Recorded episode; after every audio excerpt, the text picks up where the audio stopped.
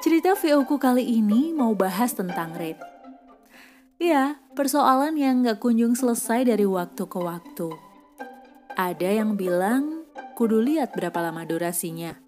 Berapa banyak skripnya. Oke, masuk akal. Lalu, tayang di mana? Bergantung jam terbang kita, dan sebagainya.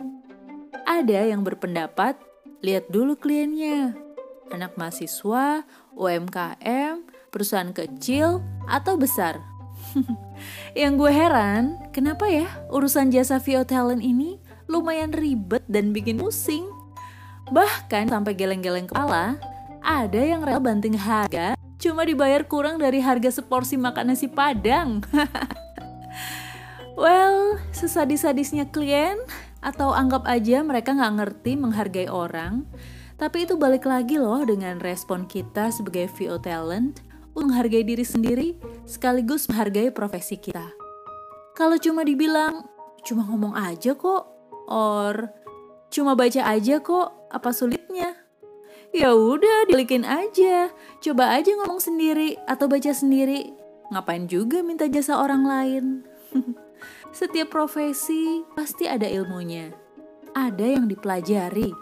Proses yang dijalani sampai seseorang sampai di titik ini. Melakukan pekerjaan 5 menit bukan berarti usaha yang dia lakukan cuma 5 menit. Sebelumnya ada proses yang orang tersebut lalui sampai akhirnya bisa melakukan pekerjaan tersebut dengan baik selama 5 menit.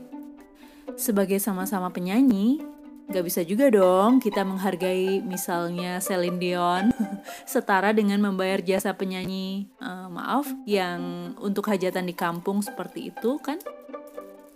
Kenapa VO Talent sungkan dengan rate-nya?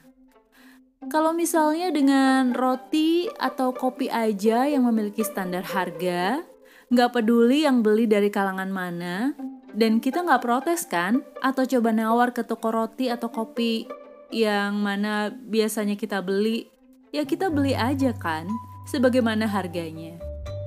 Jadi, pantas nggak kalau kita malu dengan rate kita? Wahai VO Talent,